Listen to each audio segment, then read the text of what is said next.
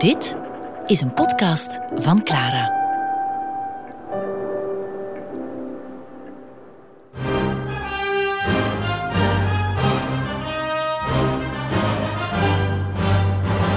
Muziek voor Stalin met Michel Krielaars. Ik was zeven jaar oud en ik hoorde bij onze bovenburen een plaat op de grammofoon staan. En het was de plaat van Peter en de Wolf. En ik weet nog goed dat ik toen meteen verliefd werd op die klanken van de hobo en de fagot. Dat zijn hele mooie emotionele instrumenten. En die klanken, die hobo, die vertolkte respectievelijk de eend en de grootvader van het jongetje Peter. En tegelijkertijd was er een verteller en dat was Ramses Shaffi. Grootvader, met zijn lage stem, is de fagot. En die vertelde het verhaal van het dappere jongetje Peter, zijn grootvader, de eend, de kat, de vogel, de wolf en de jagers. En die dieren stonden voor een symfonieorkest. Een symfonieorkest dat in partjes was gesneden. En dat hele symfonieorkest kwam voorbij.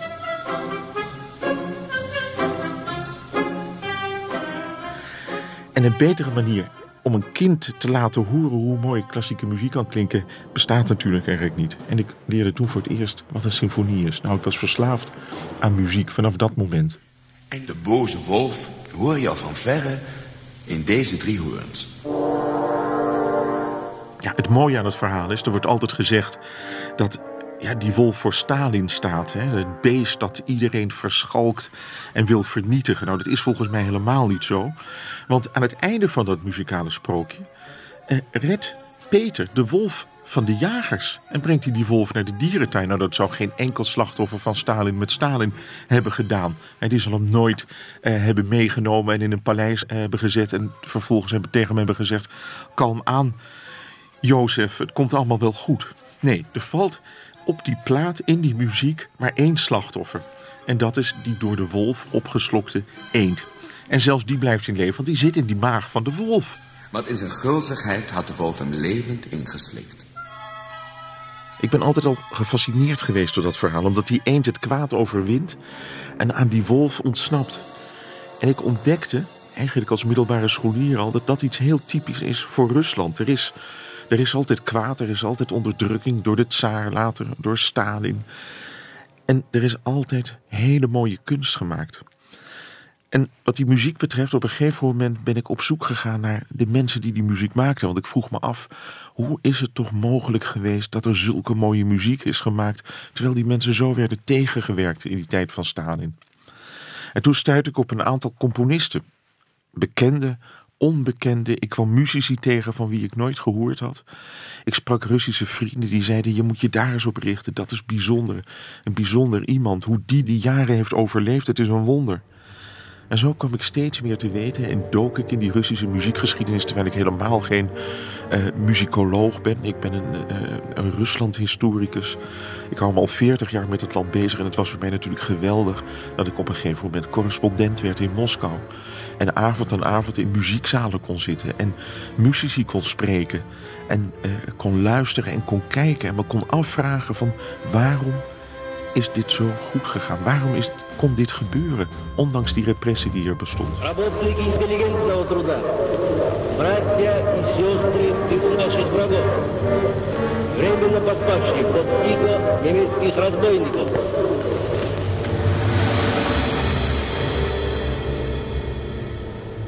Om het verhaal goed te begrijpen, moet je eerst toch kijken naar die periode voor de revolutie. Want dat zijn de jaren waarin die componisten min of meer allemaal geboren zijn. Onder de tsaar. Ehm, een enorme bloei van de cultuur, een enorme bloei van de muziek. En eigenlijk werd die bloei verstoord door de revolutie. Want toen moest het ineens allemaal anders. En dan beginnen we bij Prokofjev in 1891 in de Russische provincie.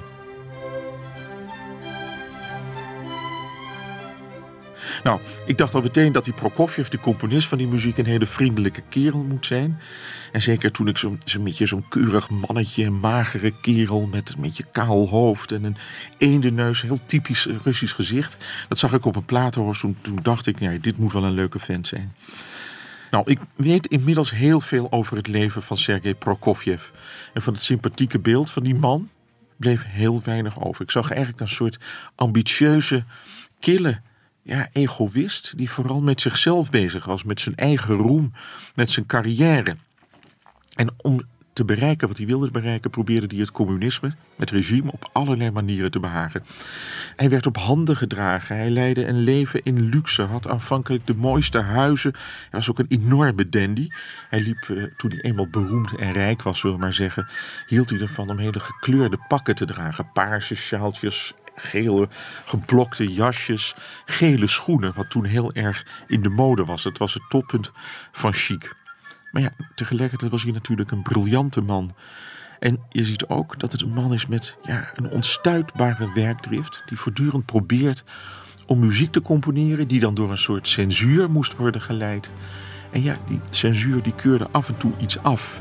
En dan was hij natuurlijk doodongelukkig en dan wist hij op de duur niet meer wat hij nu wel of niet kon componeren. Nou ja, zo'n leven wens je geen enkele kunstenaar.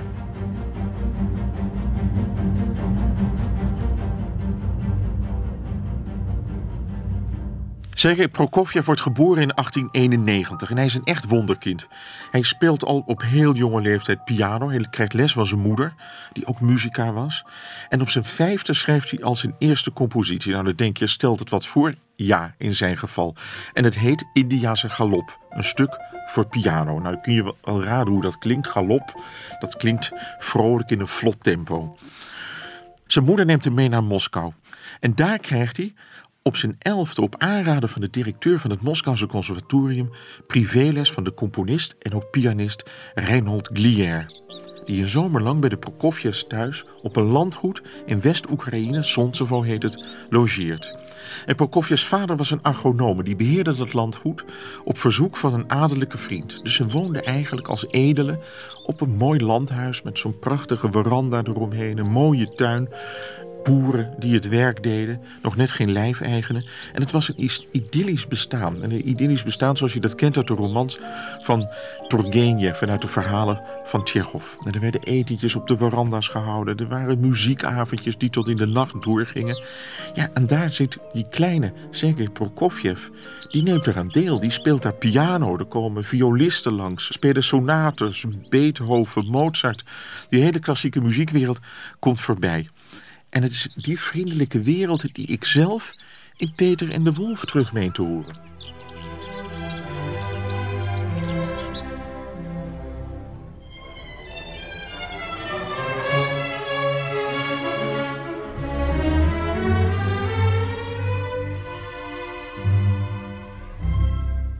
In 1904 verhuist Sergei met zijn moeder naar Sint-Petersburg. Je denkt bij Sint-Petersburg natuurlijk aan al die barokpaleizen die onder Peter de Grote zijn neergezet.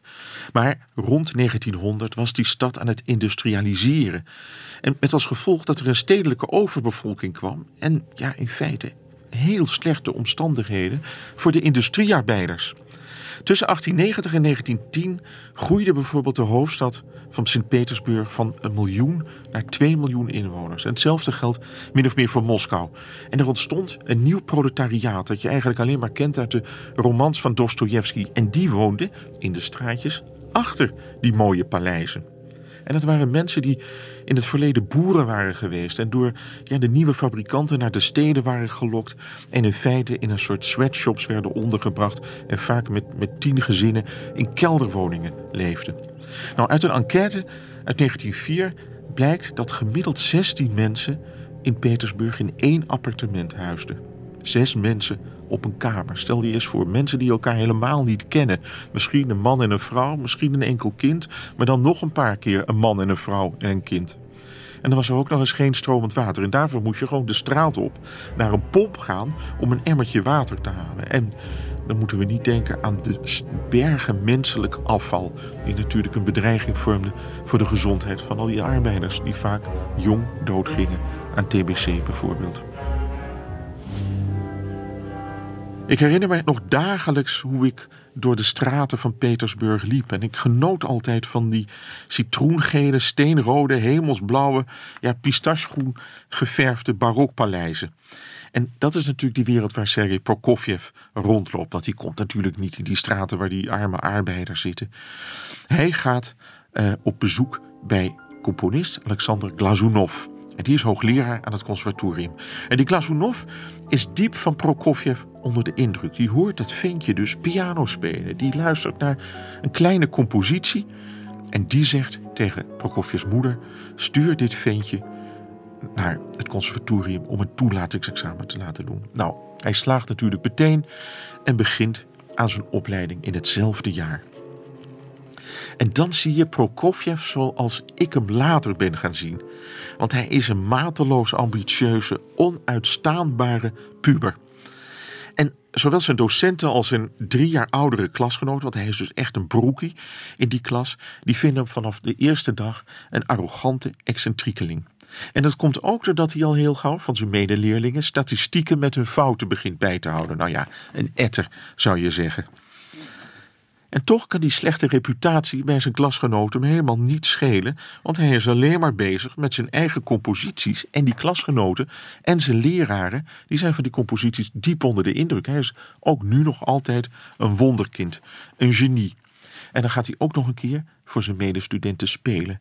En zijn pianospel behoort echt tot dat van de beste van heel Rusland.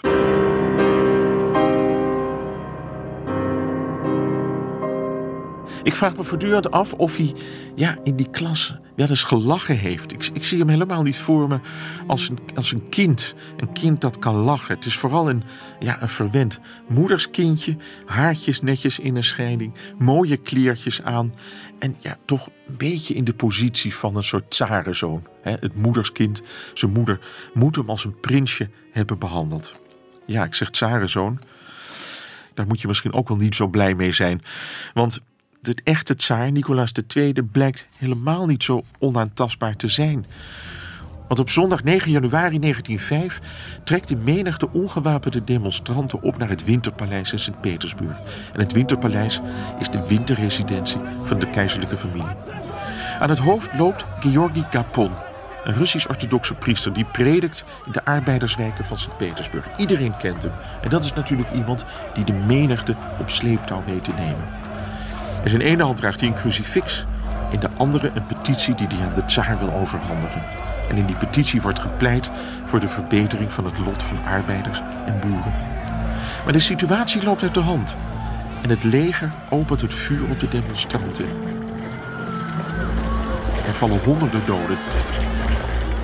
Sommige bronnen spreken zelfs van duizenden slachtoffers.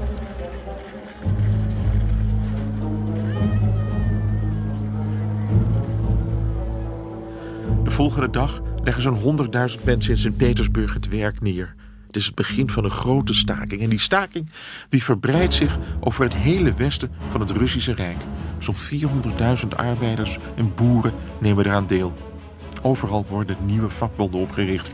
En het is alleen maar de voorbode van de revolutie die in 1917 zal uitbreken. Want hier ligt de kracht van de revolutionairen in het volk. En zelfs in het conservatorium waar Prokofjev nog maar net met zijn studie is begonnen, wordt er gestaakt. In een brief aan zijn vader brengt hij verslag uit erover. Stel je voor, ze zijn een staking begonnen op het conservatorium. Toen ik vandaag naar mijn harmonieles ging, zag ik dat zich overal kleine groepjes mensen hadden verzameld. Studenten van 16 en 17 die schreeuwden en veel lawaai maakten. De klas kwam toch bijeen maar niet eens de helft van de studenten was aanwezig. In het algemeen protesteren de leerlingen bijvoorbeeld tegen het feit dat een van hen in een bepaalde klas een soldaat is die tijdens de onlusten op de arbeiders heeft geschoten. En dat zij niet een moordenaar als medeleerling willen hebben.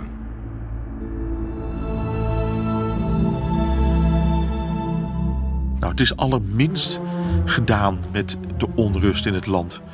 Want het blijft roerig. En als in de zomer van het jaar dan ook nog eens muiterijen uitbreken bij het leger en er een nieuwe stakingsgolf volgt, kan de tsaar niets anders doen dan zijn handtekening zetten onder het beroemde Oktobermanifest. En met dat document wordt Rusland omgevormd van een autocratie tot een constitutionele monarchie met een parlement, de Duma. En de leden van het parlement worden gekozen door middel van algemeen mannenkiesrecht.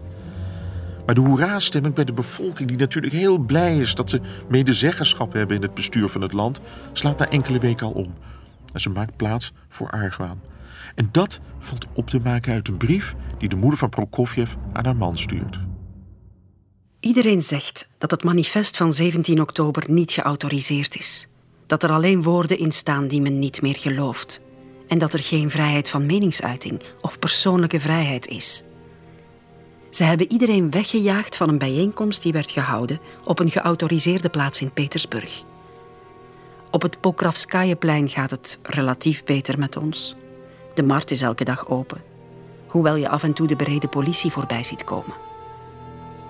Er is geen elektrische stroom meer in ons appartement. We hebben armzalige lampen aangestoken en lopen rond als blinden zonder bril.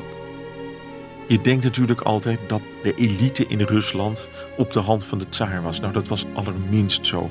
Heel veel mensen uit een beetje die hogere middenklasse, zoals de familie Prokofjev, haten de onderdrukking. Die zag natuurlijk heel goed dat die autocratie slecht was voor de ontwikkeling van het land, slecht was voor toch vrijheid die je ook in hogere kringen nodig hebt. Maar moeder Prokofjev had allerminst zin om de barricades op te gaan. Ze wilde zich niet inlaten met politiek. Alles voor haar draait om de opleiding van het begaafde zoontje op het conservatorium. En die legt ondertussen een heel mooi parcours af. Toch krijgt hij voor zijn eindexamen in 1909 slechts matige cijfers. Maar daar trekt hij zich niets van aan, want hij is arrogant, zoals ik al vertelde. En hij is overtuigd van zijn talent.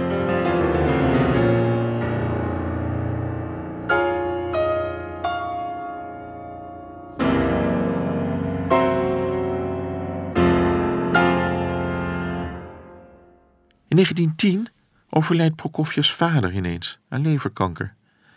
Is hij 19 jaar oud. Op het eerste gezicht is het vooral een financieel probleem voor de familie. Want ineens is er geen geld meer. En Prokofjev als moederskindje dat in luxe wil leven, kost geld.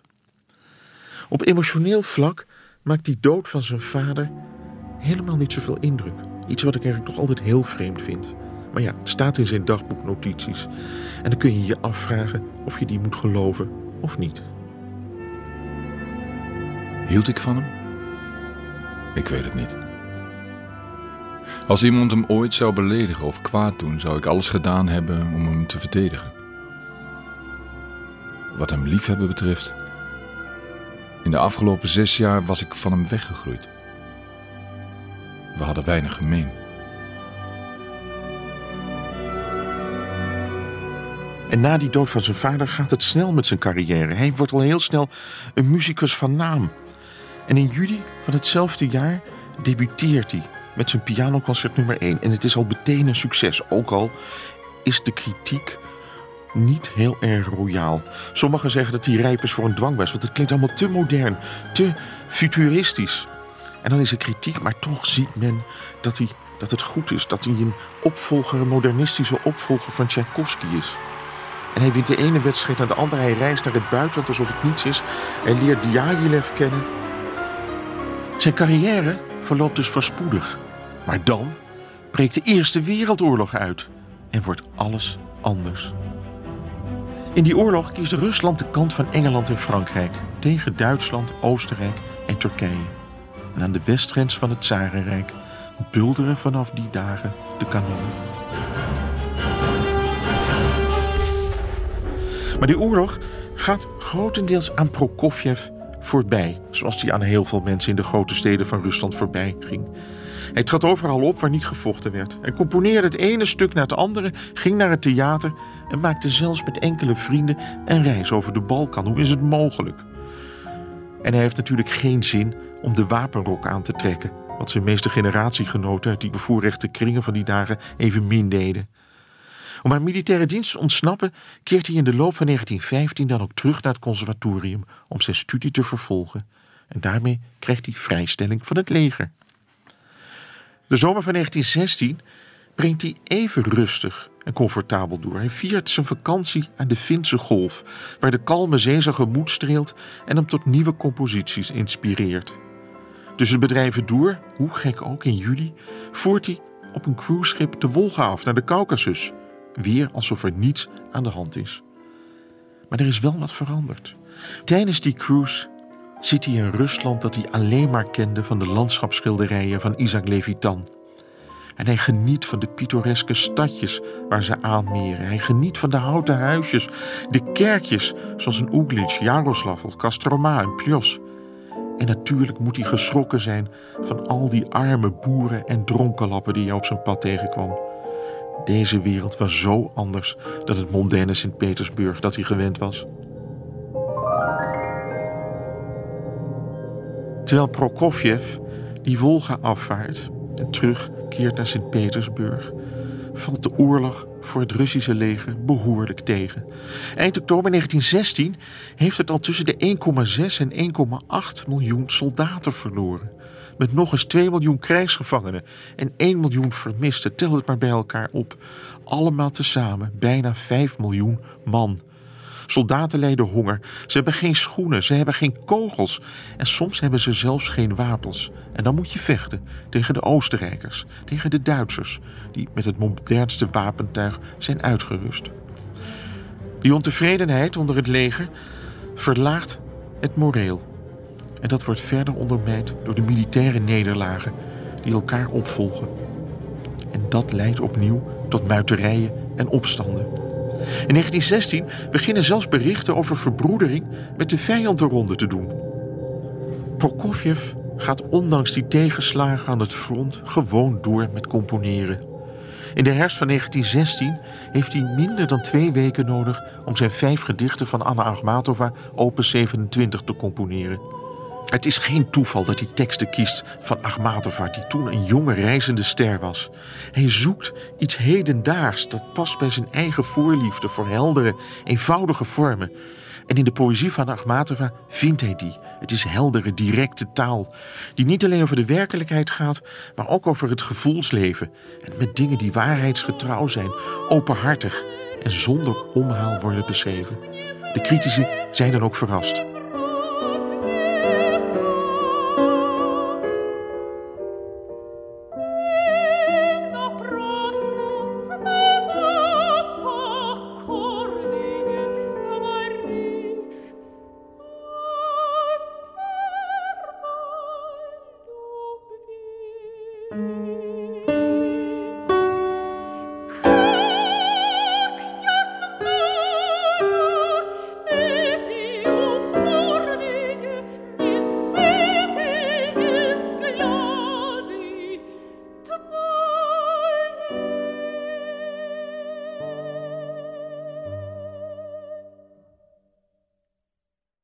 Maar in februari 1917 is het ineens voorgoed voorbij met het rustige leventje dat Prokofjev in Sint-Petersburg leidde.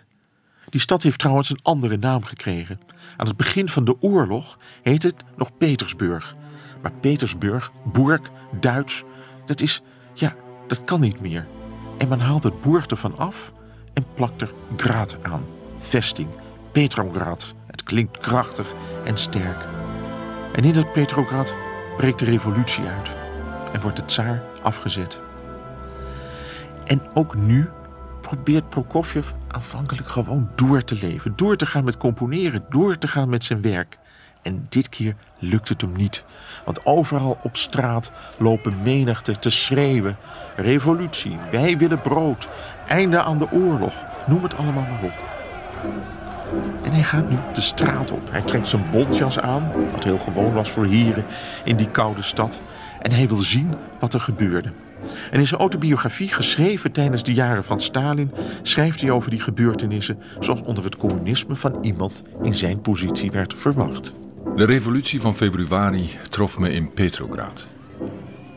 Ik en degenen met wie ik omging verwelkomden ze met open armen. Ik was in de straten van Petrograd terwijl de gevechten gaande waren. Me verstoppen achter hoeken van huizen als het schieten te dichtbij kwam.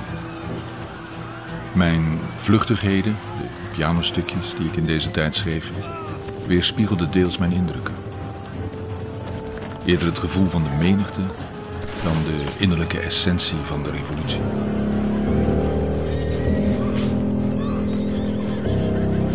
Het klinkt allemaal heel mooi. Het klinkt als een excuus om zijn gebrek aan enthousiasme over de revolutie mee te kunnen verhullen. Zijn latere biograaf, Daniel Jaffé, zag er de ironie van in. Want van een echte revolutie was in die februari-dagen nauwelijks sprake. Er was eerder sprake van een spontane volksopstand. Van gewone mensen. Ze hadden geen leider en het werd al gauw anarchie. En dat zorgde ervoor dat winkels geplunderd werden. Dat mensen elkaar naar de keel vlogen. Dat gewone burgers op jacht gingen naar tsaargetrouwe soldaten.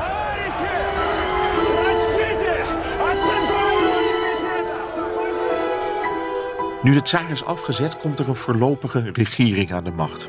En niet alleen van communisten, maar van alle partijen die in de Duma zaten. Van constitutioneel democraten, van liberalen, van sociaaldemocraten. En die vormen een soort coalitie die probeert de boel nog een beetje op orde te houden. En dan probeert Lenin een staatsgreep te plegen. En het heet de zogenaamde juli-opstand. En na afloop van die opstand die wordt neergeslagen, wordt de chaos alleen maar dreigender. Prokofjev en zijn moeder voelen zich niet meer op hun gemak in Sint-Petersburg. En ze verruilen hun comfortabele appartement voor het Grand Hotel van Kislavotsk. En dat Kislavotsk ligt op de Caucasus. En ik ben er een keer geweest. En het is een soort Oostende, zoals het honderd jaar geleden was. Met prachtige kuurhotels, met warm waterbaden, met modderbaden. Je kunt er de hele dag in luiheid doorbrengen. En de omgeving is ook nog eens mooi, want het is een bijna subtropische natuur. En je voelt je er heerlijk, ver weg van de madding crowd. Onder medisch toezicht storten niet alleen de Prokofjes zich in die modderbaden en nemen een kuur met zwavelwater, maar een groot gedeelte van de Peterskratse elite. En dan zitten ze daar en dan wordt het herfst en dan is het toch altijd lekker weer, een goede temperatuur, je kunt in de zon zitten en er lijkt niets aan de hand. En dan komt in oktober ineens het nieuws uit Petrograd dat de Bolsjewieken een staatsgreep tegen de voorlopige regering hebben gepleegd. Uit Petrograd kwamen verwarrende berichten over de Oktoberrevolutie en de vorming van de Lenin-regering, zoals de Sovjetregering in de plaatselijke kranten werd genoemd. Het nieuws was opwindend, maar zo tegenstrijdig dat het onmogelijk was uit te maken wat er gebeurde. Kislovodsk zat vol witten, die de gebeurtenissen op hun eigen manier interpreteerden. Een trein met ingegooide ruiten kwam aanrijden en een paniekerige bourgeois-menigte stroomde naar buiten. En op zo'n moment, met zo'n kapotte trein en standsgenoten van Prokofjev in paniek, dat is het moment waarop hij beseft dat hij gevaar loopt. Voor het eerst in zijn leven. En dan voelt hij ook dat die wereld, die vertrouwde wereld van hem, misschien wel eens voorbij kan zijn. En zelfs dan componeert hij nog een kantate. De tekst ervan is een Russische vertaling van een spijkerschrift in de Mesopotamische tempel uit het derde millennium voor Christus. Het gaat over zeven demonische goden en de macht die ze uitoefenen over de elementen. Zou het een anti-bolsjewistische kantate zijn? Ik weet het niet, maar het kan natuurlijk heel goed, want hij voelde zich bedreigd. Hij voelde zich bedreigd niet eens door de revolutie, maar door die bolsjewieken die die ruiten van die trein hadden ingegooid. Die zijn standgenoten angst hadden bijgebracht.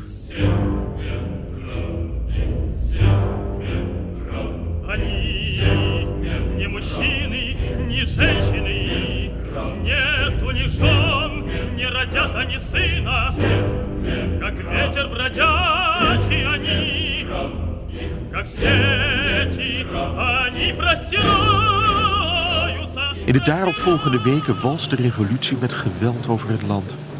Uit de voormalige tsaristische legers beginnen zich nu de witte legers te vormen. En dat zijn de anticommunistische troepen, geleid door tsaristische generaals, waarin monarchisten, liberalen, mensjewieken, sociaal-revolutionaire kozakken en edelen meevechten. Kind van de rekening zullen uiteindelijk de burgers worden. Want er woedt een burgeroorlog die zeker 8 miljoen slachtoffers zal vergen. En wie nou uiteindelijk tegen wie vecht, wordt steeds minder duidelijk. Er vloeit heel veel bloed. Er wordt heel veel verwoest. En ondertussen zitten Prokofjev en zijn moeder nog altijd in dat Grand Hotel. En ze hebben lekkere etentjes. Af en toe speelt hij wat in de grote kuurzaal. En ze nemen modderbaden. Noem het allemaal maar op. En dan ineens staan die Bolsjewieken in de gang. Ze zijn naar de Caucasus gekomen. En natuurlijk zijn ze op jacht naar tsaristische witte officieren. die moeten gearresteerd en gefusilleerd worden. En die Prokofjev schrikt zich rot. Hij loopt op een gang, hij ziet verwilderde soldaten. En geen officieren, maar gewoon jongens. Jongens met een pistool die alles met je kunnen doen wat ze maar willen. En dan zegt hij dat hij muzikus is en geen officier. En ze laten hem met rust, boven verwachting. En nu raakt Prokofjev er ineens van overtuigd dat de Sovjetmens met het geweer, zoals het werd genoemd, dat die mens genadeloos is voor zijn vijanden, maar tegelijkertijd achting heeft voor de dragers van een echt grote cultuur, zoals hij. Alsof je als kunstenaar nergens beter kon wanen dan in het nieuwe Rusland, het Rusland van de Bolsjewieken. En dat zul je in de komende decennia merken, want niet voor niets zouden heel veel progressieve westerlingen decennia lang blind achter het communisme aan blijven lopen. Prokofjev wist in die decennia wel beter. Hij laat zijn moeder achter in het Grand Hotel en gaat zelf naar Moskou om polshoogte te nemen. Hij wil weten wat er gebeurt, wat er met zijn vrienden aan de hand is. En daar stuit hij op avant-garde dichters, zoals Vladimir Mayakovsky, maar ook op andere muzici. Ja, en bij hen is ook het revolutionaire vuur ontbrand. Die kunstenaars die omarmen de nieuwe orde met grote verwachtingen. Lang houdt hij het tussen deze artistieke revolutionaire echter niet uit.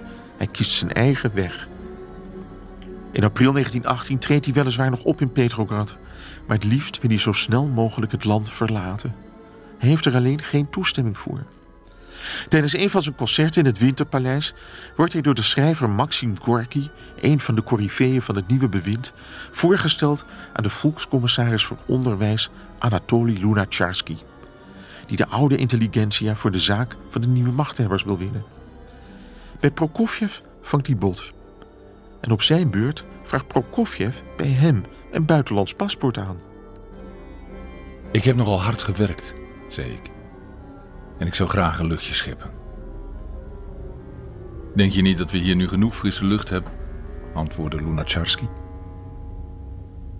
Ik zei: Ja, maar ik zou graag de fysieke lucht van zeeën en oceanen hebben. Lunacharsky dacht er een paar minuten over na en zei toen vrolijk: Jij bent een revolutionair in de muziek. Wij zijn revolutionair in het leven. We zouden moeten samenwerken. Maar als u naar Amerika wilt gaan, zal ik u niet in de weg staan. Zo miste ik mijn kans om deel uit te maken van het leven van het nieuwe Rusland bij zijn geboorte. Tevergeefs waarschuwde een wijze vriend mij: Je loopt weg van de geschiedenis. En de geschiedenis zal je dat nooit vergeven. Als je terugkeert, zal niemand nog voor je begrip opbrengen. Ik sloeg geen acht op deze woorden en op 7 mei 1918 vertrok ik op reis. Maar wel met het voornemen om binnen enkele maanden terug te keren. Prokofjev laat een land in chaos achter. Hij ontsnapt daarmee ook aan een van de meest bloederige conflicten uit de ganse wereldgeschiedenis: die burgeroorlog. De rode en witte terreur zullen de komende jaren miljoenen levens eisen. Maar terwijl Prokofjev het oorlogsgeweld weet te ontvluchten, zijn er andere componisten die een veel onfortuinlijker lot staan te wachten. Een van hen is Zevelot Zadaratsky. Muziek voor Stalin met Michel Krielaars.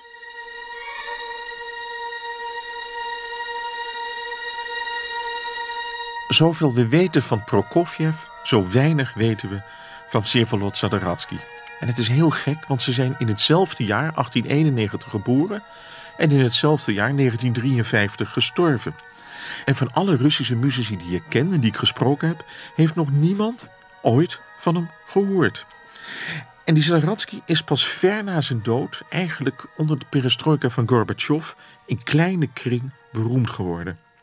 En dat komt gewoon omdat zijn werk in de Sovjet-Unie verboden was. En ook nog eens voor een groot deel is vernietigd. Tot een paar jaar geleden was die een vergeten componist. En ik kwam zijn naam tegen in een proefschrift, een Duits proefschrift. Een kleine alinea over een verdwenen componist die in de gulag had gezeten. En ik besloot op zoek te gaan naar zijn nazaten. En ik stuitte in Moskou op zijn zoon, 83 jaar, hoogleraar compositie aan het Moskouse conservatorium. Een beer van een kerel, grote bos, grijs haar. En we spraken af in een café en hij omhelsde me. Want er was een westerling die geïnteresseerd was in zijn vader, die over zijn vader wilde schrijven. En ik begrijp natuurlijk heel goed waarom die zoon zo blij was om me te zien. Want ik ging over zijn vader schrijven. En die vader maakte net zulke mooie, goede muziek als Prokofjev. Ze waren van hetzelfde bouwjaar. Ze waren van hetzelfde sterfjaar. En die een was verdwenen en die ander was tot grote internationale hoogte gestegen. En ik kwam daarom over zijn vader te schrijven. En om zijn vader weer beroemd te maken. En dan ook nog eens een keer in het Westen. En hij had zelf een soort Russische biografie eh, bij elkaar eh, gehaakt. Met alles wat hij zelf wist. En we hebben twee uur lang met elkaar zitten praten in een café. En zijn vader kwam tot leven. En toen moest ik nog naar die muziek luisteren.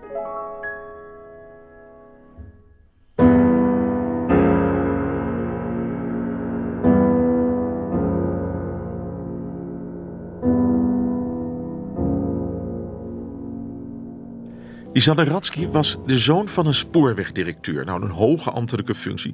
En had hele goede contacten aan het keizerlijke hof. En zijn moeder was van verarmde Poolse adel. Maar net zoals bij Prokofjev speelde ze piano en gaf zij haar zoontje zijn eerste muzieklessen.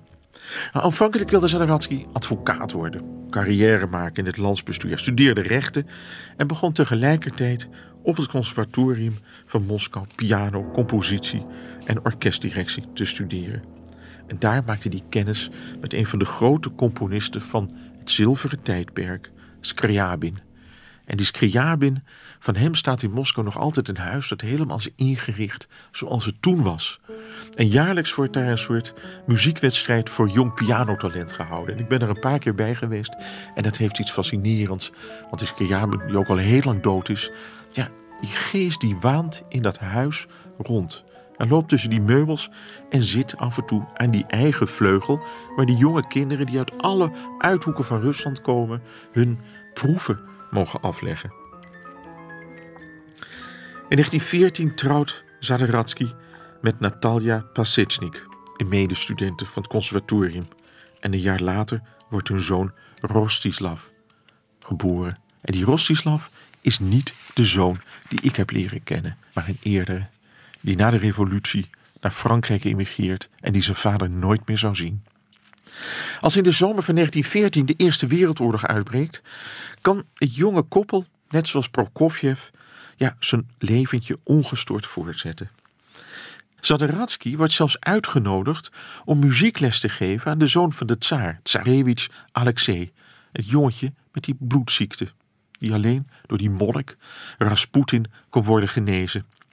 Die positie heeft Zadaratsky te danken aan zijn oom, baron Karl von Stackelberg, de directeur van het hoforkest en een vertrouweling van de tsarine.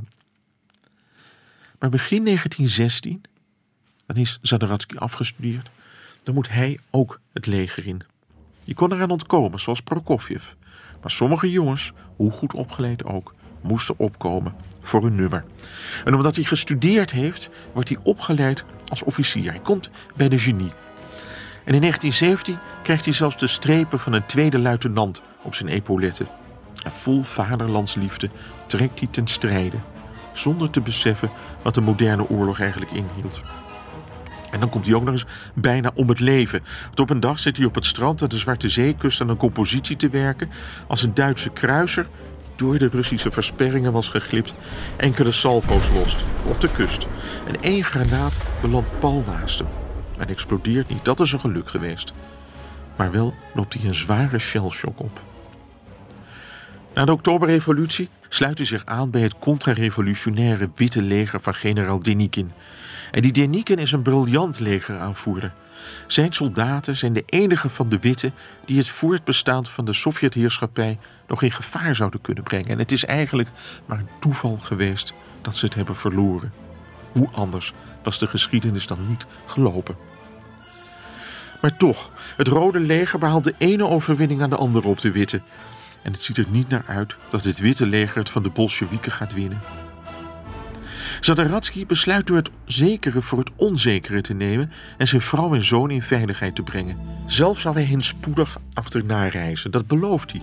Maar hij weet natuurlijk niet wat hem te wachten staat. Want het is een enorme chaos. En als zijn vrouw en kind per schip naar Joegoslavië vertrekken... en van daaruit doorreizen naar Frankrijk... ja, dan is hij ze eigenlijk voorgoed kwijt. Pas een jaar voor zijn dood in 1953 krijgt hij bericht van het Rode Kruis... dat zijn vrouw in Frankrijk is hertrouwd. Want ze ging ervan uit dat hij niet meer leefde. Ze had nooit meer iets van hem gehoord. En hij had haar nooit achterna kunnen reizen, want hij zat vast in eigen land. Hoe vast, dat hoort u zo dadelijk.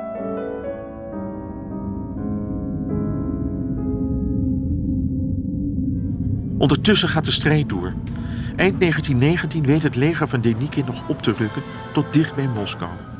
Maar de Sovjets zetten onmiddellijk stoutmoedig het gros van hun strijdkrachten in de totale ondergang van Denikins goed georganiseerde en moderne leger voltrekt zich in een tijdsbestek van nauwelijks drie maanden. En dan hebben de Bolsjewieken echt gewonnen.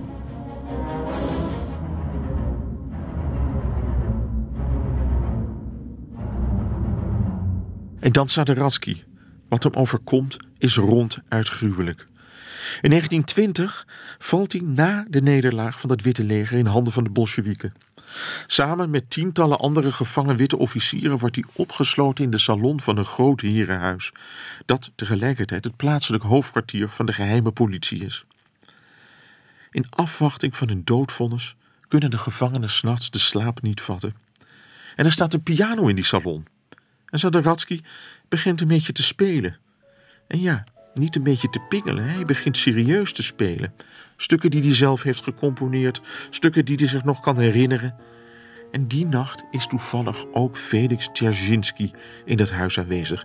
En Dzerzhinsky is de oprichter van de geheime politie, van de latere KGB.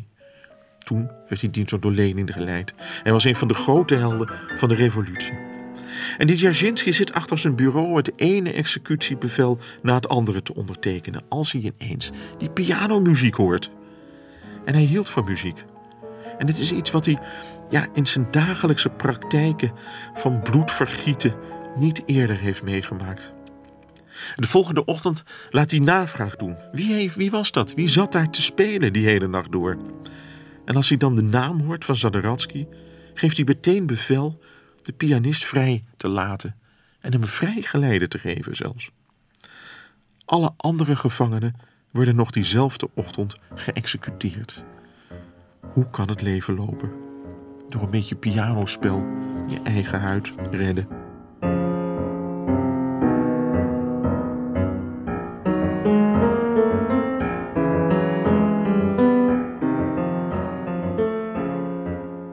Maar dat is nog niet alles wat hij heeft meegemaakt in die dagen. Want voordat hij werd gearresteerd, voordat hij krijgsgevangene werd genomen, zat hij op het hoofdkwartier van generaal Denikin. En daar kreeg hij op een dag opdracht om een van zijn witte mede-officieren dood te schieten, omdat hij systematisch krijgsgevangenen vermoordde. En dat was nou ook weer niet de bedoeling. Het is een scène die je zo in Alexei Tolstoy's roman De Weg naar Golgotha kunt teruglezen. Het is een roman die in feite over Zadaratsky gaat. Het gaat over soldaten van het Witte Leger die door een toeval bij het Rode Leger belanden omdat ze het vege lijf willen redden. Omdat ze weten dat als ze worden gepakt en niet gauw met de tegenpartij mee gaan doen, dat ze er zelf aan gaan. En dat is natuurlijk het idiote van de revolutie. Het was helemaal niet duidelijk wie tegen wie vocht.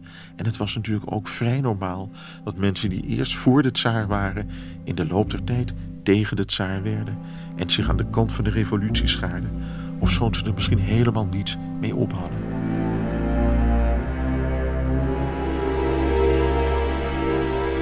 Gruwelijk allemaal. Maar Zadaratsky heeft het er levend van afgebracht. Hij heeft die vrijgeleide gekregen. Maar hij mag nog altijd niet terug naar een grote stad. Hij is een voormalig witte officier en witte officieren kregen geen toestemming om in Moskou of Petrograd te wonen.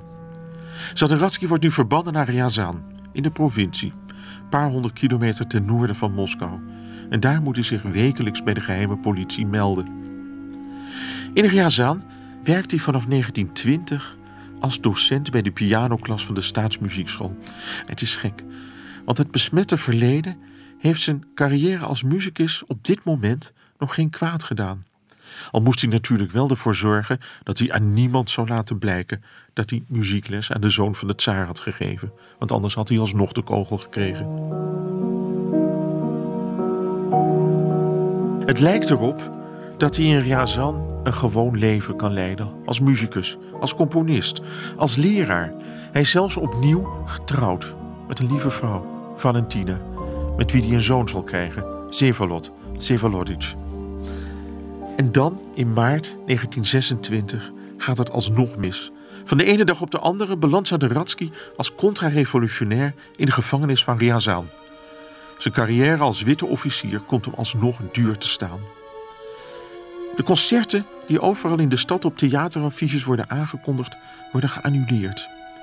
En hij moet verdwijnen. Hij moet verdwijnen uit de openbaarheid. Bijna honderd jaar later is het nog altijd onduidelijk waarom Zadaratsky precies is gearresteerd. De Sovjet-autoriteiten hadden hem tenslotte zijn verleden in het contra-revolutionaire leger vergeven. Van zijn lesgeven aan de zoon van de tsaar wist niemand. Die arrestatie is de meest tragische gebeurtenis uit zijn leven, zei hij zelf. Dat hij toen voor het eerst besefte dat de Sovjet-autoriteiten de sporen van zijn bestaan probeerden uit te wissen. Ze wilden zijn werk vernietigen. Hij zou verdwijnen. Hij was een mens van gisteren, zoals dat toen heette. En dat moest hij blijven. Hij belandt nu in een strafkamp tussen de meest gore moordenaars en zware criminelen. En daar zitten dan een paar beschaafde intellectuelen zoals hij, die moeten zien te overleven, want het gaat er natuurlijk hard aan toe. En omdat hij het er vreselijk vindt, probeert hij zelfmoord te plegen. En dat doet hij met behulp van de slaappillen die hij van de kampapotheker heeft gekregen. En hij overleeft alleen doordat zijn vrienden in het kamp alarm slaan. En die kampleiding die heeft natuurlijk geen zin om zich tegenover de hoger geplaatste autoriteiten te moeten verantwoorden voor een zelfmoord. Want dat zou ook hen op straf kunnen komen te staan. En die zorgen ervoor dat hij beter behandeld wordt. Zadaratsky moet nu proberen te schipperen. Hij gaat laveren. Hij ziet enerzijds die criminelen, die echte boeven om zich heen. Hè, die natuurlijk hun hand niet voor omdraaiden om hem een pak slaag te geven als het hun uitkwam. Dus ja, hij hij moet zorgen dat hij bevriend blijft met de kampbazen, met de cipiers, met de kampleiding. En hij moet tegelijkertijd die misdadigers te vriend zien te houden.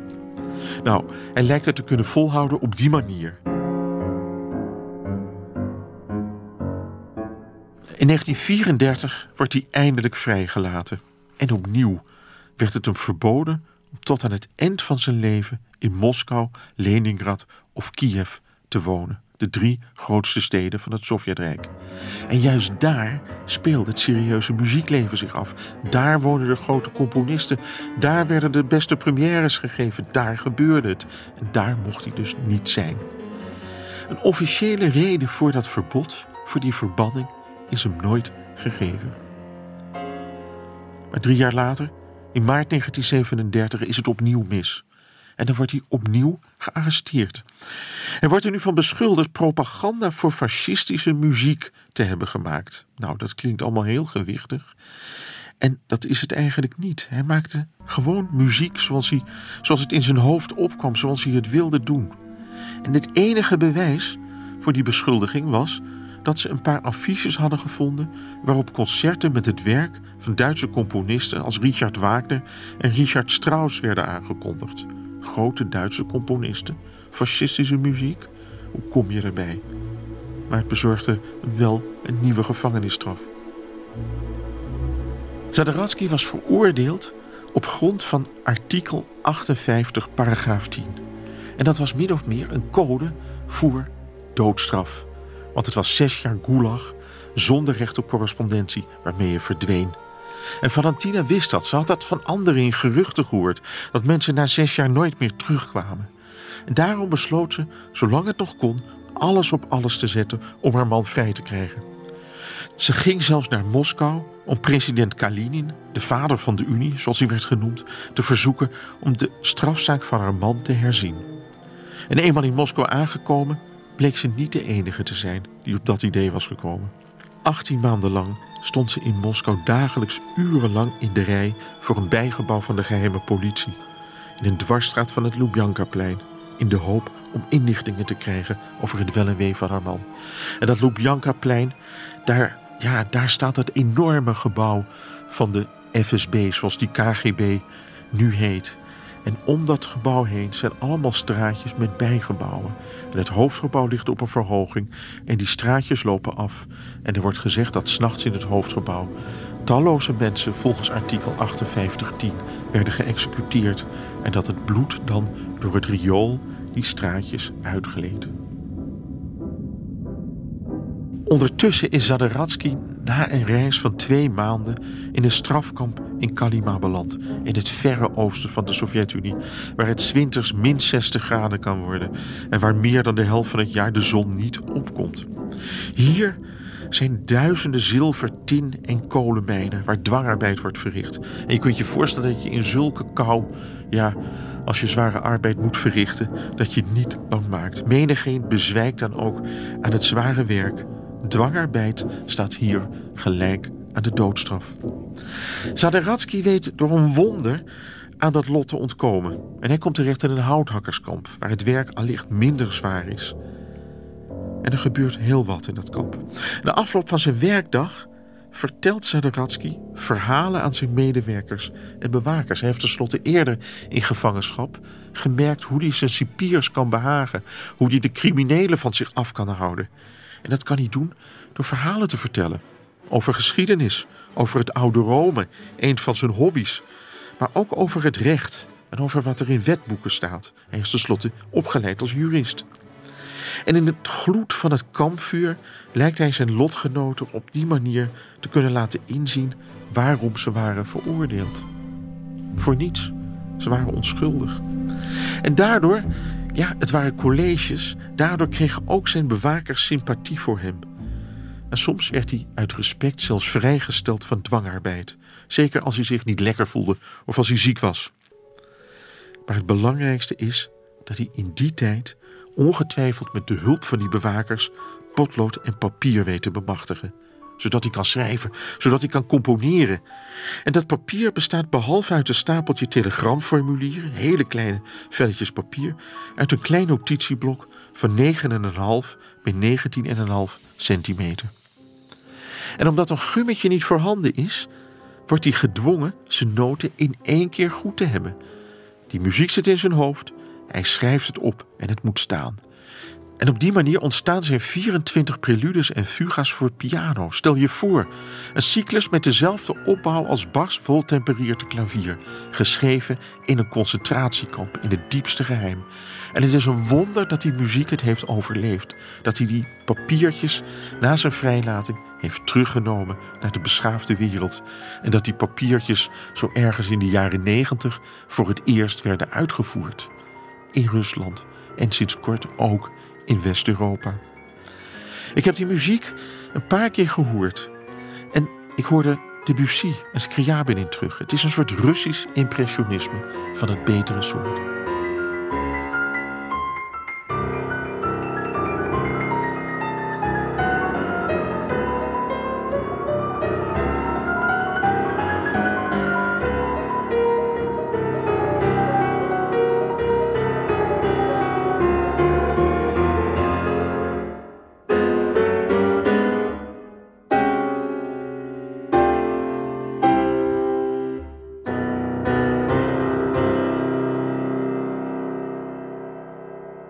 Intussen is Valentina doorgegaan met het ijveren voor de vrijlating van haar man. Maar het heeft nog niets opgeleverd. En dan, in de herfst van 1938, als vele honderdduizenden gearresteerden al zijn geëxecuteerd, lukt het haar eindelijk om haar verzoekschrift af te geven. Wat er daarna is gebeurd, blijft het op de dag van vandaag een raadsel. Maar feit is dat Saderatsky in juli 1939 werd vrijgelaten. Wat een feest moet het zijn geweest. Ineens was hij weer een vrij man, maar dat betekende natuurlijk niet dat de autoriteiten voor zijn transport naar huis zouden zorgen. Dat mocht hij zelf gaan organiseren. Eerst moest hij naar Magadan, de hoofdstad van Kalima.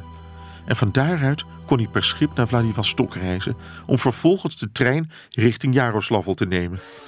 Een medegevangene, een zware crimineel, verschafte hem de middelen om die reis te bekostigen. Die gevangene gaf hem een gouden ring die hij tijdens zijn gevangenschap in zijn wang verborgen moest houden. Een ontroerender bewijs van respect en bewondering kan ik bijna niet bedenken. Pas een half jaar na zijn vrijlating, het is inmiddels begin 1940, staat Saderatsky ineens weer op de stoep bij zijn gezin. Wat zullen die blij zijn geweest? Misschien herkenden ze hem wel helemaal niet meer, want hij was van een reizige, stevige kerel veranderd in een, ja, nou, een geraamd is een groot woord, maar wel in een half lijk. En dan ziet hij voor het eerst, ja, zijn zoontje. En dat is diezelfde man die ik op zijn 85ste heb gesproken in Moskou. Die reizige kerel met die bos wit haar en die krachtige lach die tegen me zei... De volgende keer dat we elkaar ontmoeten, kom je bij me thuis en dan zetten we het op een zuipen. En dan ga ik je nog meer vertellen over mijn leven. Muziek voor Stalin met Michel Krielaars.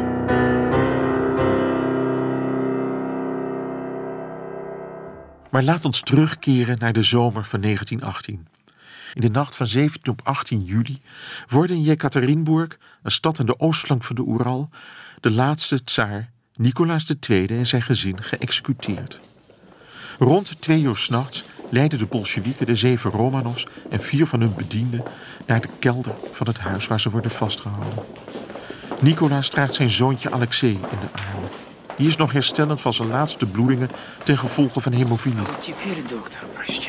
Er worden twee stoelen gebracht. één voor de voormalige keizerin en één voor Alexei. Daarop treedt het executiepeloton binnen. Alexei overleeft de eerste schoten en wordt daarna doodgeschoten met twee kogels door zijn hoofd. Grootvorstin Anastasia lijkt nog te leven en wordt met een bajonet doodgestoken. Als de lijken worden begraven, wordt er eerst nog door een vrachtwagen over hen heen gereden, zodat hun gezichten onherkenbaar zijn. Daarna worden ze met zwavelzuur overgoten en in een mijnschacht gegooid.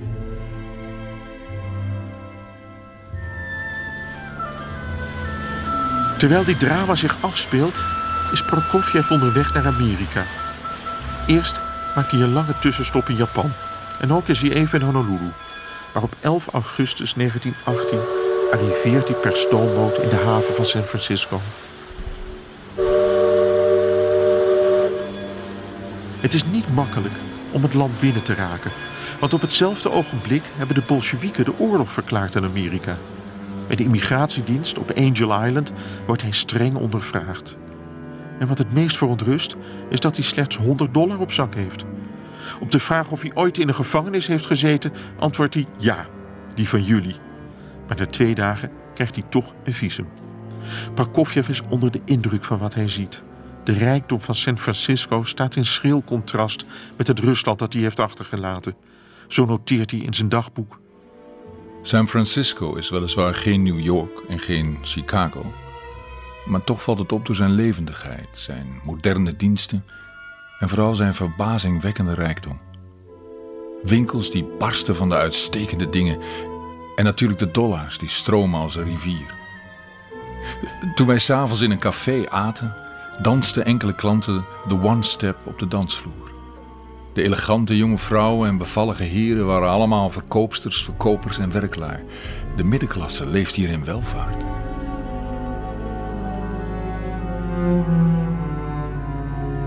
Prokofjevs verblijf in de Verenigde Staten was aanvankelijk een verlengde buitenlandse reis. Als officiële reden had hij aangevoerd zijn culturele horizon te willen verbreden. Waarschijnlijk had hij terug willen keren zodra de Bolsjewieken verslagen waren en de pre-revolutionaire orde weer enigszins was hersteld. Maar zolang niet duidelijk was wie die burgeroorlog had gewonnen, bleef hij in het buitenland. En hij hoopte natuurlijk dat hij daar nieuwe triomfen zou beleven. Toch zat het hem in Amerika niet mee.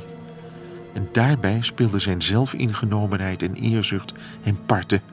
En de concurrentie. Want wat blijkt, Prokofjev is niet de enige die op de vlucht is geslagen voor de Bolsjewieken. In december 1917 was namelijk ook Rachmaninov met zijn vrouw en dochters gevlucht. En Rachmaninov was de beste pianist ter wereld in die dagen. Een grote concurrent dus voor Prokofjev. De laatste muziek die Rachmaninov op Russische bodem componeerde was een miniatuur voor piano, geschreven op 14 en 15 november.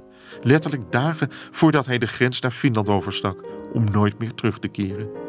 Die korte prelude is intens chromatisch, onrustig van stemming en gedomineerd door een dreigende ondertoon.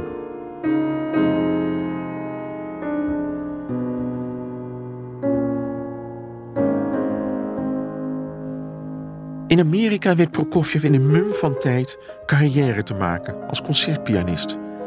En dan zie je weer die typische Prokofjev. Hij kan het niet uitstaan dat hij als pianist op de tweede plaats staat achter Rachmaninov. Die Rachmaninov, die kan, ja, die is niet virtuozer dan hij, maar die kan wel alles spelen. Je kan het zo gek niet bedenken en dat lukt Prokofjev weer niet. En bovendien wil Prokofjev alleen maar zijn eigen composities vertolken, want hij wil namaken. En heeft hij ook nog eens als componist concurrentie van Stravinsky, die al heel erg populair in Amerika is. Nou, je begrijpt natuurlijk, dit wordt niets. En dan is hij ook nog een keer aan het laveren in zijn sympathie voor de Bolsjewieken. Want tenslotte is hij maar tijdelijk naar het buitenland vertrokken. Hij houdt toch alle, ja, alle uitwegen open. Hij wil misschien wel weer terug. Als de Bolsjewieken de burgeroorlog hebben verloren. Maar ja, dan, moet hij voor hetzelfde geld winnen, die Bolsjewieken. En hij moet ze dus ook te vriend houden. Nou, hij is in de public relations heel erg goed. En dat leidt ook tot een nadeel. Want hij krijgt op een gegeven moment de bijnaam de Bolsjewistische pianist.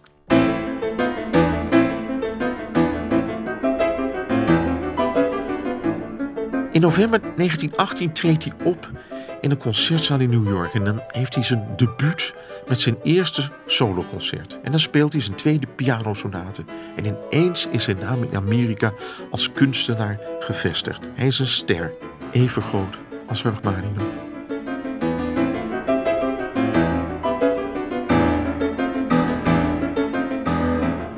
En dan leert hij ook nog een hele mooie Spaans-Amerikaanse zangeres kennen, Lina Konina.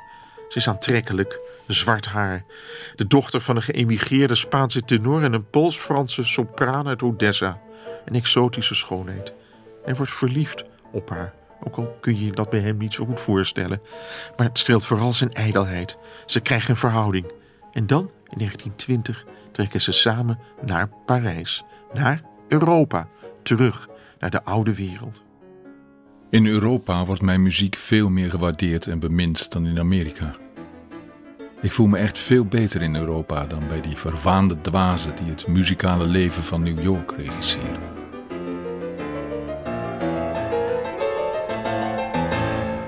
Ze begeven zich eerst naar Parijs en daar wemelt het inmiddels van de Russische vluchtelingen. Na de overwinning van de Bolsjewieken hebben zich zo'n miljoen Russen, graven, gravinnen, vorsten, vorstinnen en leden van de hogere bourgeoisie in het buitenland gevestigd. Hun bontjas, hun diamanten en hoge hoeden zijn ze kwijt. Voor het eerst in hun leven moeten ze werken voor de kost. Ze worden taxichauffeur, portier, fabrieksarbeider, naaister. Want een behoorlijke opleiding hadden die meeste edelen niet. En tegelijkertijd blijven ze in hun eigen besloten wereldje verkeren ze hebben hun eigen kranten, Russisch-talige kranten, Russisch-talige uitgeverijen, weeshuizen, kerken. Kom maar op, Sint-Petersburg heeft zich naar Parijs verplaatst. En in dat Parijs, in dat Russische wereldje, komt Prokofjev allerlei oude vrienden tegen. Het is een hartelijk weerzien. Maar er is tegelijkertijd bitterheid ontstaan. Want zo onderhand is duidelijk dat de Bolsjewieken de Witte Legers hebben verslagen en dat velen nooit meer zullen terugkeren naar het Rusland dat ze zijn ontvlucht. Dat Rusland behoort voorgoed tot het verleden.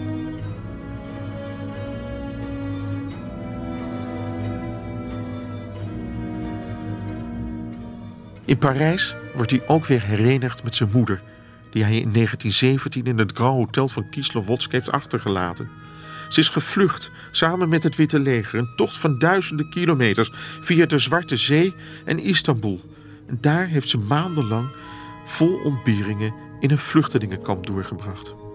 In juni 1920 arriveerde ze eindelijk in Marseille en toen trok ze naar Parijs.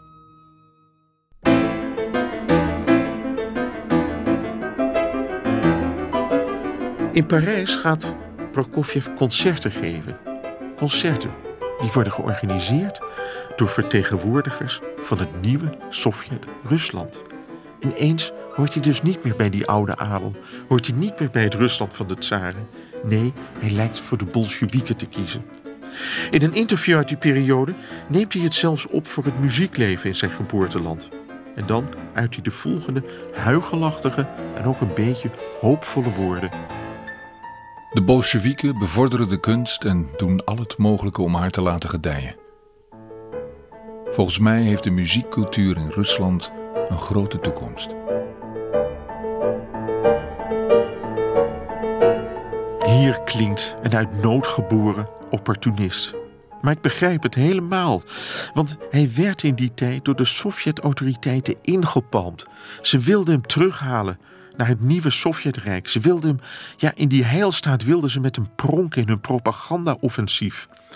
De heilstaat van het communisme was een paradijs voor vernieuwende kunstenaars. Dat wilden ze duidelijk maken. En daar moest zo'n Prokofjev natuurlijk bij horen. Maar nog altijd was Prokofjev onzeker over zijn lot. En daarom sloeg hij die uitnodiging voorlopig beleefd af.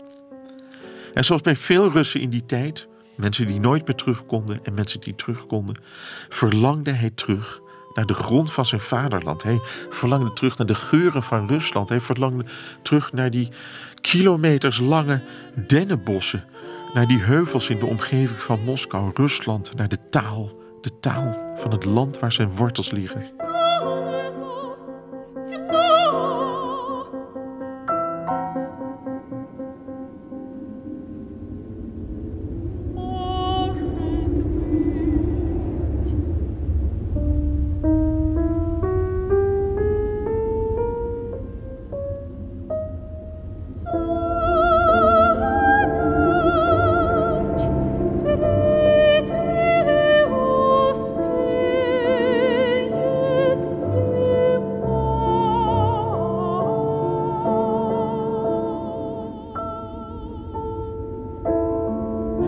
Bij Rusland, daar liggen zijn wortels.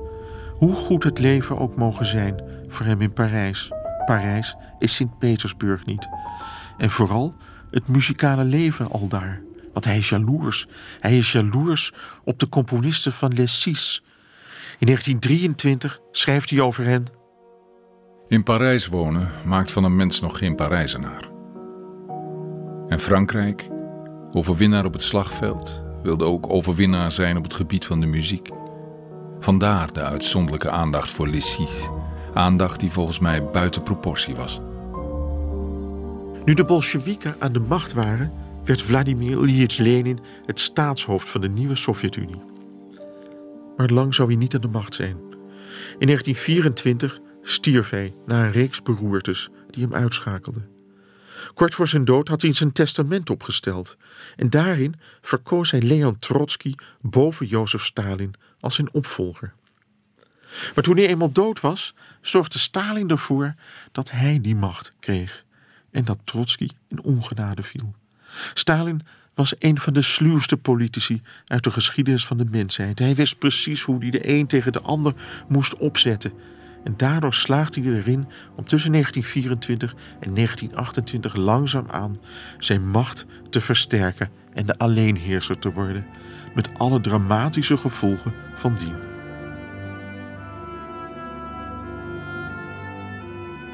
Een maand na de dood van Lenin, in februari 1924, wordt het eerste zoontje van Lina en Sergei Prokofjev geboren, in Parijs.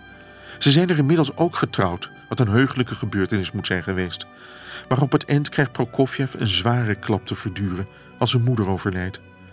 Prokofjev had een symbiotische band met haar en kon eigenlijk geen dag zonder haar. Hij ging voor lange tijd volledig op in zijn verdriet. Zelfs met zijn beste vrienden kon hij er niet over spreken. Meer dan een jaar lang verborg hij haar dood voor zijn vrienden en familie en schreef alleen over haar slechte gezondheid. Ogenschijnlijk omdat hij hen niet wilde belasten met het droevige nieuws, maar ongetwijfeld omdat hij er niet mee kon omgaan. En dat is veelzeggend over die arme Prokofjev. Hoe moet dat nu verder met zijn muziek? Maar ook nu is er ogenschijnlijk niets aan de hand. Misschien is zijn muziek door de dood van zijn moeder wel mooier geworden, beter. Op 6 juni 1925 wordt zijn tweede symfonie in Parijs uitgevoerd. Hier en daar is er wel een criticus die vol lof is, maar over het algemeen wordt er lauw op gereageerd. alsof ze hem niet begrijpen. De verklaring van Prokofjev zelf is dat de textuur van die symfonie te dicht geweven is en te zwaar beladen om succesvol te kunnen zijn.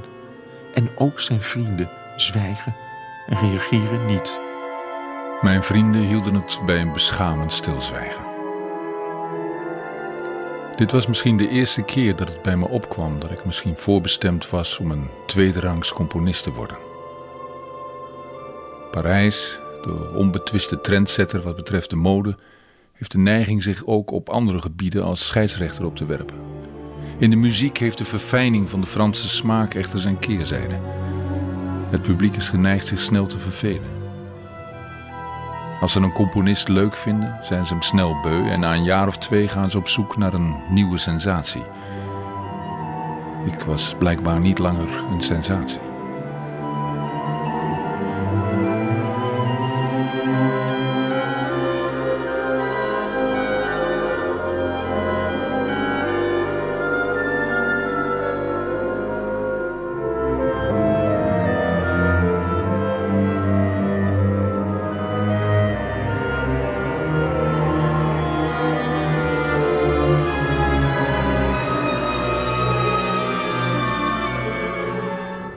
In diezelfde tijd zijn de Sovjet-autoriteiten weer heel druk bezig om hem over te halen terug te keren naar de Sovjet-Unie.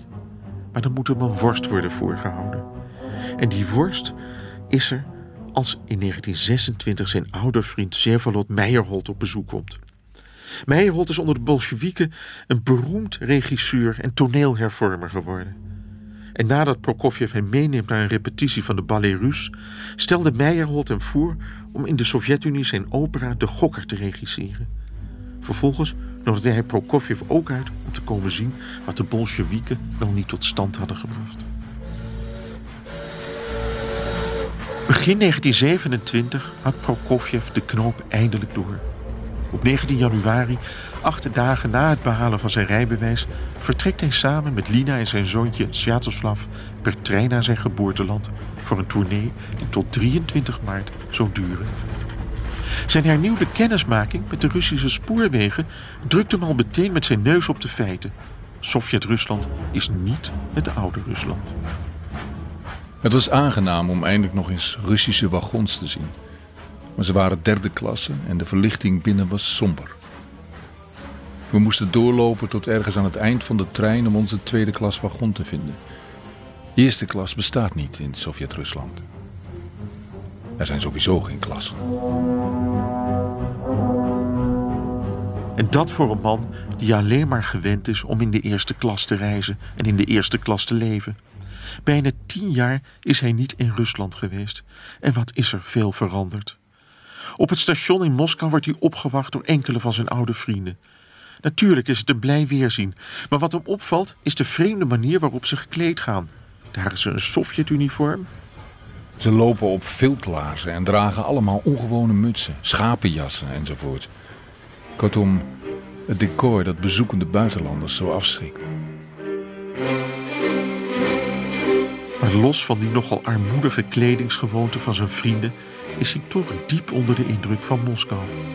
De stad is er helemaal niet zo slecht aan toe als hij zich had voorgesteld. Wanneer hij wordt rondgeleid door Lev Zeitlin, een professor aan het conservatorium van Moskou, verbaast hij zich zelfs over de welstand die er heerst.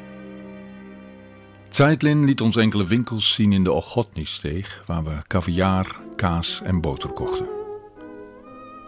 Er was een overvloed aan caviar tegen verschillende prijzen en de winkels waren zo vol met mensen dat we geen tijd meer hadden om in de rij te gaan staan. En wij maar denken dat Moskou uitgehongerd zou zijn. Je ziet toch hoe goed het hier is, kraaide Zeitlin. Godzijdank zijn jullie uit Parijs weggegaan. Je hebt vast in de kranten gelezen dat er daar een tekort aan doodskisten is. Ik was stom verbaasd. Een tekort aan doodskisten? Kom op, zei hij. Je komt er net vandaan. Dat moet je toch weten? En hoe zit het met de epidemie? De kranten zeggen dat er daar elke dag zoveel mensen sterven dat ze het begraven niet kunnen bijhouden. Nou, ik kon zien dat Moskou over Parijs loog net zo professioneel als Parijs over Moskou. Terwijl hij ons naar het metropool begeleidde, ging Zeitlin door met borrelen en bruisen.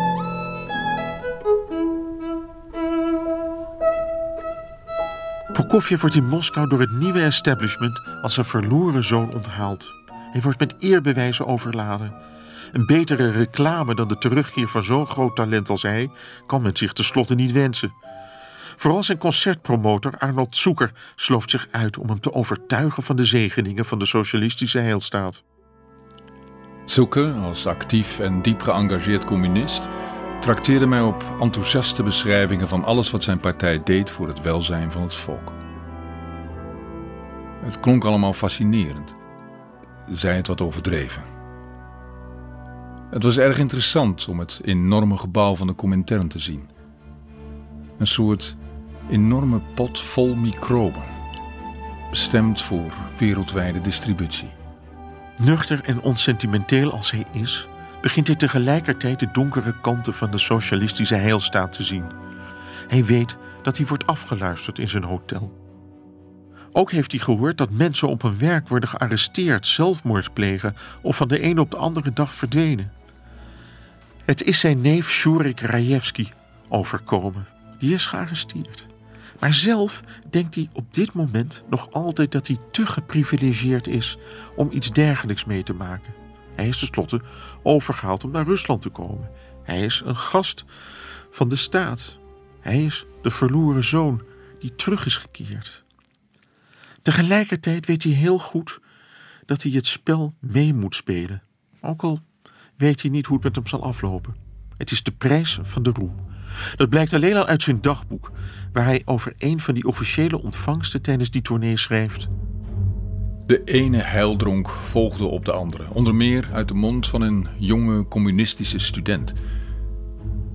Zijn toespraak was tot mij gericht en werd op enthousiaste toon voorgedragen. Ik werd door hem bij de leiders van het jonge muzikale communisme ingelijfd. Wel nu, zoals je wilt. Kom en heers.